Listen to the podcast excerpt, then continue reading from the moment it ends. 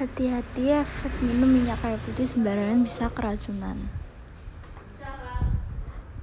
Minyak kayu putih jamba digunakan sebagai bahan pengobatan alami di sejumlah kultur sejak ribuan tahun silam.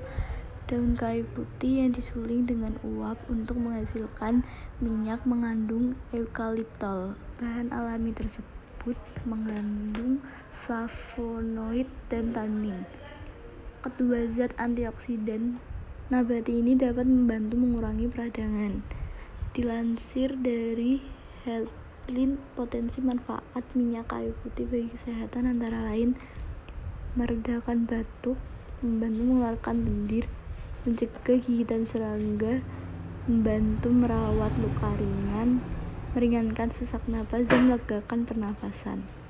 Mengingat sejumlah khasiat minyak kayu putih cukup potensial. Lantas, bolehkah minyak kayu putih diminum?